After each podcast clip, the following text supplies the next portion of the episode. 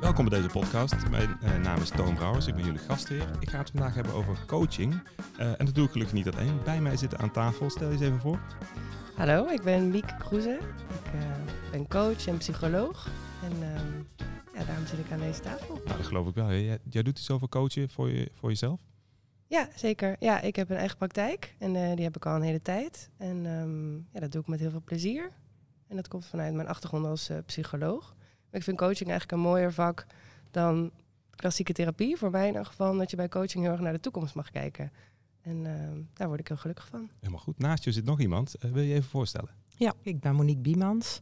Ik ben uh, bestuurssecretaris bij een zorgorganisatie in Brabant. gehandicaptenzorg. En um, nou ja, wij maken binnen het secretariaat en de collega's wel eens gebruik van coaching. Ja, wat, uh, uh, je hoorde uh, Miek nu meteen iets zeggen over jezelf, coachen. Zeg maar. Herken ja. je dat meteen, Monique? Mm, ja, ja. Soms, um, ja, soms zul je merken dat mensen vaker zelf coaching nodig hebben, eigenlijk. Um, als wat ze. Ja, niet, iedereen, niet iedereen wil dat. Nee, en, ik snap het. Maar laten we eens even kijken of Miek kan uitleggen wat het nou precies betekent, dat coach jezelf. Kun je dat een beetje toelichten? Ja, coach jezelf is um, nou eigenlijk letterlijk wat het zegt ook. Dus jezelf coachen. En normaal ga je natuurlijk naar een coach toe. Als er iets is uh, wat je wil onderzoeken of uitwerken of iets waar je even zelf niet uitkomt. Maar het mooie van coach jezelf vind ik dat je leert zelf eigenaarschap te nemen over je eigen proces in dit leven. Dus bij coach jezelf leer je via de basisbeginselen van coaching om het toe te passen op jezelf. En dan uh, klinkt dat heel simpel, maar in de praktijk is dat nog vaak wel even oefenen. Ja, het klinkt inderdaad wel een beetje simpel. Ik neem gewoon eigenaarschap van mijn leven en dan komt alles goed, toch? Precies, ja. Werkt het zo? Um, nee, zo werkt het niet. Um, maar ik zie wel dat de workshops die ik erover geef en de mensen die ik hierin opleid, um, ja, je ziet wel snel resultaat. Mensen zijn vaak onder de indruk van hoe goed ze zichzelf eigenlijk kunnen helpen. Dus ja, het is niet makkelijk, maar uh, iedereen kan het. Nu gaf je al meteen aan dat het vooral gaat over de toekomst. Wat is nou zoiets van zo'n thema wat je meteen naar jezelf zou kunnen coachen voor de toekomst? Ja, dat kan van alles zijn. Eigenlijk kan het alles zijn waarvan jij denkt, goh, daar zou ik in willen groeien. Of daar ben ik nu niet tevreden over, dat zou ik anders willen. En dat kan gaan van um, doelen op je werk stellen. Bijvoorbeeld uh, grenzen beter kunnen aangeven. Of het willen krijgen van een nieuwe functie. Of um, ja, het kan van alles zijn, ook in de privésfeer. Bijvoorbeeld werken aan de relaties om je heen. Of een relatie verbeteren met iemand anders. Algemene dingen die gaan over communicatie. Dus je kan het zo gek niet bedenken, maar je kan jezelf erop coachen. Nou, over zo gek niet bedenken. Monique, heb jij nu al meteen iets bedacht, zeg maar, naar aanleiding van wat Miek niet vertelt? Nee, maar het is wel heel herkenbaar. Want je hoort uh, in je omgeving vaak mensen zeggen van, uh, nou ja, dat ze niet tevreden zijn met hun baan of met hun functie of met hun collega of hun baas. Of Hè, dat er altijd wel dingen zijn die uh, beter kunnen. Maar ja, verbeter de wereld. Begin bij jezelf. En pak, pak de koe bij de horens. Ja. Lijkt je dat handig dat je dat helemaal zelf zou kunnen? Dus dat je niet naar een extern persoon zou hoeven, naar zo'n coach? Mm, dat zou het fijnste zijn. Maar dat is natuurlijk niet voor iedereen... Uh, niet voor iedereen weggelegd. Sommige mensen kunnen het wel zelf. En anderen hebben ooit een duwtje nodig. Ja, is dat dan, uh, Miek, precies wat jij geeft? Dat duwtje wat je vanuit jezelf zou kunnen geven?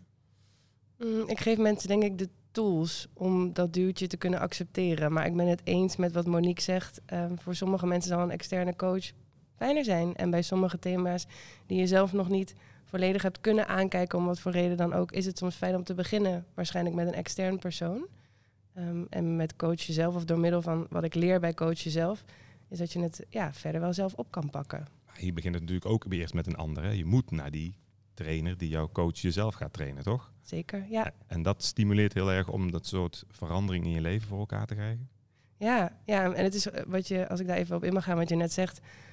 Ik kan iemand niet dwingen om naar deze workshop te komen of deze opleiding te volgen. Dus je moet zelf wel een intrinsieke motivatie hebben uh, die jou doet bewegen om uh, de tools op te komen halen.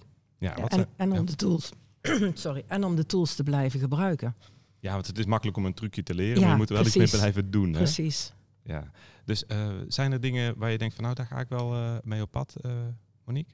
Ik vind het wel heel leuk om te horen hoe ze aangeeft grenzen bewaken bijvoorbeeld. Dat is wel iets wat ik denk zeker vanuit mijn vakgebied, de secretariële ondersteuning. En op welk niveau maakt niet uit. Maar die grenzen bewaken. Ik, ik zie heel veel mensen die ondergesneeuwd raken. Want ja, die gaan maar door, die gaan maar door.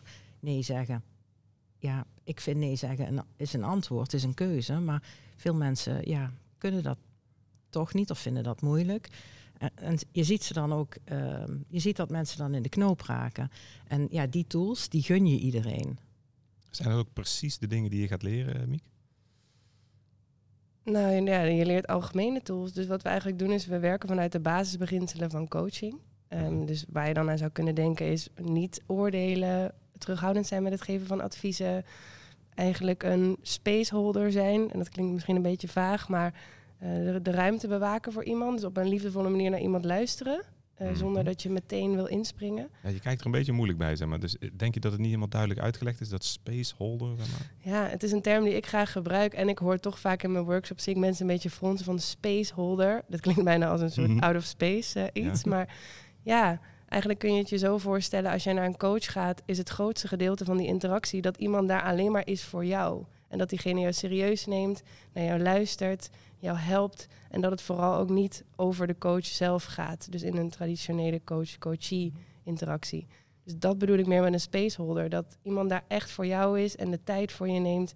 En dat je daar mag laten zien wat je wil laten zien. Uh, en dat je daar eigenlijk veilig bent, emotioneel veilig bent. En dat je zo'n coach als gereedschap kunt gebruiken voor jouzelf. Ja, zeker. Die is er echt voor jou. Dus dat is eigenlijk het mooie van, uh, van zo'n zo'n sessie. Die, die drempel van dat veilig zijn, die is denk ik voor veel mensen wel hoog, of niet? Ja, ja, ik denk in eerste instantie wel. En ik denk ook dat het zo belangrijk is om een goede match te vinden. Dus als je wel kiest voor externe coaching, uh, kan het best zijn dat je naar een paar coaches gaat en pas bij de derde denkt, ah, jij bent voor mij. Want het gaat om zoveel verschillende dingen. Uh, bijvoorbeeld ook heel simpel het taalgebruik dat iemand heeft, bijvoorbeeld. Of de sfeer die iemand meebrengt, het gevoel dat je bij iemand krijgt, is, uh, is veel belangrijker soms dan wat diegene daadwerkelijk zegt. Dus dat is de basis, dus dat moet echt kloppen. Ja, ja. zeker. Ja, nu gaan we eigenlijk toewerken naar coach jezelf met, die, met jezelf heb je hopelijk wel altijd een goede relatie en die spreekt dezelfde taal, toch? Nou, je spreekt wel dezelfde taal. Nou, dat is misschien niet eens waar, nu je me deze vraag stelt. Ik denk dat we allemaal een, een innerlijke stem hebben. En die kennen we, sommigen van ons kunnen die misschien nu voor de geest halen, die is heel kritisch. Mm -hmm. uh, dus die zegt altijd, uh, nou heb je het weer niet, of uh, kon je weer niet, of je had het beter moeten doen. Dus nee, ik denk eigenlijk dat je echt wel verschillende stemmen in jezelf hebt. En zeker niet iedereen heeft een, heeft een goede relatie met zichzelf. Uh, vooral op de thema's die we moeilijk vinden, zijn we vaak heel kritisch naar onszelf. Ja, is, is dat ook een van de sleutelpunten? Minder streng zijn naar jezelf? Ja, persoonlijk vind ik van wel. Dat is wel iets waar ik veel op terugkom. Want ja, als je die spaceholder wil zijn voor jezelf en die liefdevolle omgeving wil creëren waarin je mag onderzoeken en waarin je fouten mag maken en waarin je alles mag laten zien, is het heel handig als je minder kritisch bent en liever bent voor jezelf in dat proces. Wat niet wil zeggen dat je jezelf niet mag uitdagen om hard te werken en grote praktische doelen te stellen. Maar in eerste instantie moet je wel uh, ja, zorgen dat je een goede relatie met jezelf onderhoudt. Is het herkenbaar, Monique? Uh, ja, want ik heb regelmatig te horen gekregen: val jezelf niet zo hard. Dus um, ja. ja, dus die herken ik. Absoluut, zeg maar. En, en, en maar dan jezelf maar simpelweg vergeven en denken, oké, okay, het komt allemaal goed. Dan, dan denken we meteen van, ja, dan ben ik zo lui, ga ik een beetje op de bank liggen of zo. Hoe worstel je daar, worstel je daar zelf mee, Monique? Um, nou nee, want daar, dat lost het, uh, daar lost het niet meer op. Dus je moet daar uh, of uh, zelf mee aan de slag of ja, de boer op en een miek zoeken. ja, Mag ik daar nog iets aan, ja, aan toevoegen? Want dat vind ik zo mooi, juist bij deze doelgroep. Uh, ik train al, al jarenlang voor, voor deze doelgroep. En deze doelgroep specifiek heeft zo'n groot verantwoordelijkheidsgevoel. Is vaak ja. zo streng voor zichzelf. Is heel dienstbaar. Is echt een spin in het web. Ja. Een oor voor anderen. Dus als jij dan zegt, ja, dan word je lui. Als, als je lief voor jezelf bent, dan schiet je door naar de andere kant. Lijkt me bij deze doelgroep zeer onwaarschijnlijk. En, nee, en want die lost vooral um, de problemen van de ander op. Die zorgt voor de ander. Die zorgt, uh, uh, die signaleert van, uh, zeg tegen de directeur van uh, ga daar eens even naartoe, want die kijkt een beetje pips vandaag. Maar als het over jezelf gaat, dat is toch wel een, uh, een ander verhaal. En dat, um, dat is een lastige. En dan mogen we dus gewoon leren, hè? Ja. Ja, zeker. Dus daarom doe ik het eigenlijk het allerliefst, deze opleidingen en workshops voor deze doelgroep. Omdat ze het zo verdienen om die aandacht dus naar zichzelf te draaien in plaats van naar werkgevers, collega's, vaak ook nog families, noem maar op. Ja, nu staat er ook iets over nieuwsgierig naar jezelf kijken. Past dat hier ook precies bij, zeg maar dus? Ja, ik, ehm, ik zeg wel eens tegen mensen die dan vragen ehm, wat ik zo leuk vind aan mijn vak. Dus ja, ik hou gewoon van mensen. Ik ben gewoon altijd nieuwsgierig. Dat heb ik nu zelfs bij jou als onze gastheer. Denk ik, goh, wat is jouw verhaal? Waar kom jij vandaan? Wie ben je eigenlijk? En die nieuwsgierigheid heb je wel nodig om echt met iemand dat onderzoek te kunnen doen. Dus dat geldt ook andersom. Dus zorg dat je ook nieuwsgierig blijft naar jezelf. Ook omdat we vaak wel denken te weten hoe we in elkaar zitten. Oh, ik doe altijd zo. Oh, ik weet dat al, want vroeger had ik puntje, puntje, puntje. Maar laat je ook verrassen door jezelf in dat onderzoek. Dus ja, ga ervan uit dat je nog niet weet wat eruit gaat komen. Ja, zijn er dingen waar je dus naar buiten moet treden? Heb je al voorbeelden, Monique, meteen? De, de nieuwsgierigheid is bij de doelgroep zeker aanwezig. Want ja, om je werk goed te, te, kunnen doen, moet je natuurlijk nieuwsgierig zijn. Want zo haal je input op. Alleen nieuwsgierig naar jezelf, ja, dat is dan natuurlijk weer een, uh, ja, een categorie uh, die, die dan voor veel mensen weer lastig is. En ook soms een beetje oncomfortabel, denk ja. ik. Ja. Kijken naar dingen die je nog niet doet of nog niet weet. Van de andere kant zijn dat dan uh, punten van aandacht of verbeterpunten. Ja, je kunt ze noemen zoals je wil. Maar daar kun je dan nog, um, ja, als je daar een stap in kunt zetten, kun je dus ook een betere ondersteuner zijn. Of kun je toch een betere collega zijn. Of kun je een betere vriendin zijn. Ik bedoel, het helpt je in alles. Het is mooi dat je dit zo benoemt, hè? Want alle voorbeelden die je noemt gaan over hoe jij beter kan zijn voor iemand anders. Ja, voor je nou collega, voor je bedoeling maar misschien, ja, maar als je, eh, ehm, dat geeft je toch ook weer een goed gevoel Ja. voor jezelf. Ik begrijp je ook. Het is niet, eh, het, is niet Ja. fout wat je zegt, maar dit is wel een mooi voorbeeld van dat jullie doelgroep heel erg gefocust is op relaties met anderen. Ja. En je wordt zelf ook gelukkiger. Je hebt meer plezier in je werk. Je hebt meer plezier in je dagelijkse dingen. Ja. En dat werkgeluk is eh, bij mijn organisatie staat dat, eh, ja, zoals denk ik op meerdere plekken nu, maar dat is wel heel erg belangrijk. Het, het, het geluk van onze cliënt is, is, een, is een thema wat constant terugkomt, maar ook het, het geluk van hè, de medewerker. En eh, ja, als je mensen kunt boeien en binden, is het natuurlijk helemaal fantastisch. Helemaal goed. En nu hoop je ook, Miek, dat ze een beetje lief voor zichzelf gaan worden. Hè? Zeker, ja. Absoluut. En nu staat er ook iets over sneller je doelen kunnen bereiken. Hè? Dus eh, wat, hoe helpt je nee, jezelf coachen nu om je doelen te bereiken? Nou, je kijkt allereerst, je, je kiest allereerst al doelbewust een thema of een coachvraag waar je mee aan de slag zou willen. Bijvoorbeeld, eh, om even bij het voorbeeld te blijven, hoe kan ik beter mijn grenzen aangeven op de werkvloer? Dat is vervolgens je coachvraag. Dus dat alleen al zorgt ervoor dat je gerichter te werk gaat.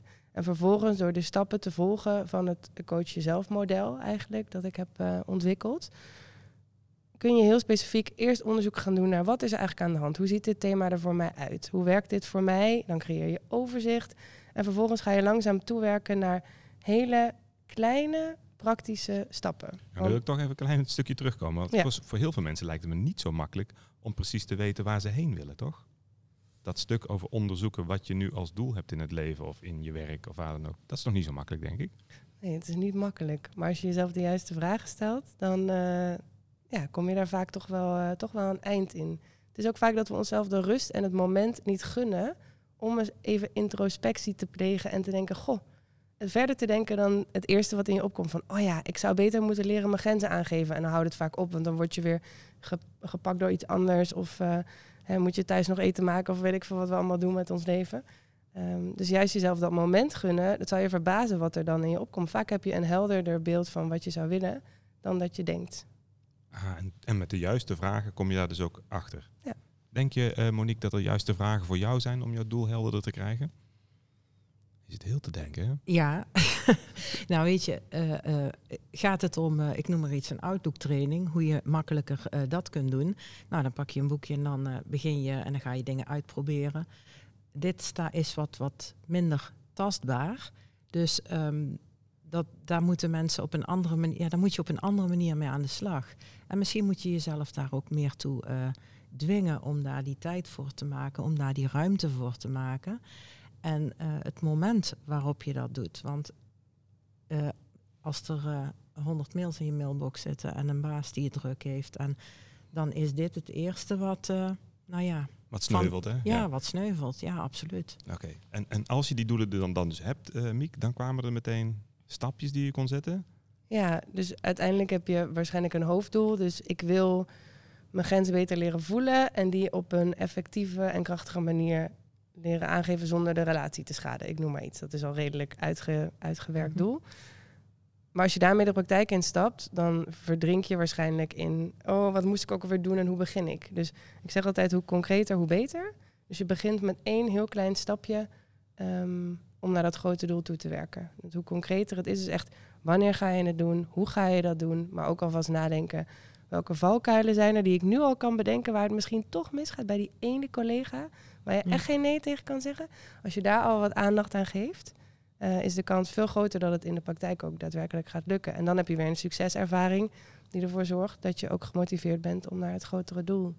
En te misschien, eh, en misschien ook je omgeving, en of dat dan je werkomgeving is of je thuisomgeving, meenemen in dat je dat graag wil verbeteren, dat je daarmee bezig bent. En dan krijg je misschien ook hulp uit de onverwachte hoek. Ja, het is heel leuk. De workshop die ik vandaag geef, die eindigt ook met de opdracht. Wat is je eerste praktische stap? En wie ga je jouw partner in crime maken? Die ook je stok achter de deur mag zijn. Die af en toe bij je incheckt hoe het gaat met je doel. Ja, Dus- want het is dus niet, we gaan het helemaal zelf doen. Je mag ook nog je omgeving gebruiken. Hè? Zeker, dat mag. En je leert ook meteen hele concrete stappen. Dus het is niet vaag en eh, doe maar een beetje en zweef in jezelf of wat dan ook. Er wordt een concreet plan gemaakt met, je, met elkaar. Zeker. Het is absoluut niet zweverig. Nee, dat was ik ook niet bang voor. Nee, ehm, en ehm, als we nu dus kijken, dus als, als je één ding zou moeten zeggen waar de mensen echt iets aan hebben als ze deze opleiding of deze cursus van jou volgen, wat is nou het ene speerpunt wat je echt op de voorgrond zou willen zetten? Hmm, dat is een goede vraag. Want nu moet ik natuurlijk heel zorgvuldig kiezen voor alle mensen die nu gaan luisteren. Ja, ik denk dat de kracht hem echt zit in het eigenaarschap nemen over je eigen leven. Als ik dat zelf ook uitspreek, voel ik daar heel veel kracht bij. Ehm, en ja, echt compassie voor jezelf. Probeer maar twee, compassie te hebben voor je. Sorry. Nee, dat is niet erg. Probeer maar compassie te hebben voor jezelf. Ja, want het, eh, ehm, een vriendin van mij zegt altijd: leven is geen ponykamp. Als in het is soms best eh, pittig. En eh, heb maar compassie voor jezelf. En als je überhaupt aan jezelf wil helpen door een coach te zoeken of coach jezelf te gaan toepassen, ja, heb maar heel veel respect en compassie voor jezelf dat je daar al bent. En Dankjewel. misschien, eh, misschien in plaats van een paar nieuwe schoenen, een cadeautje voor jezelf in de vorm van een training. Staat het nu op jouw wensenlijst ook, Monique? Eh, ja, Je bent altijd welkom. graag. Eh, leuk. Helemaal goed. Dank jullie wel als allebei voor de uitleg over deze training. En ik wens je heel veel, veel plezier. En ook met het coachen van jezelf. En volgens mij een beetje lief voor elkaar, toch? Ja, Zeker. Voor jezelf. Voor iedereen. Dankjewel. Komt goed.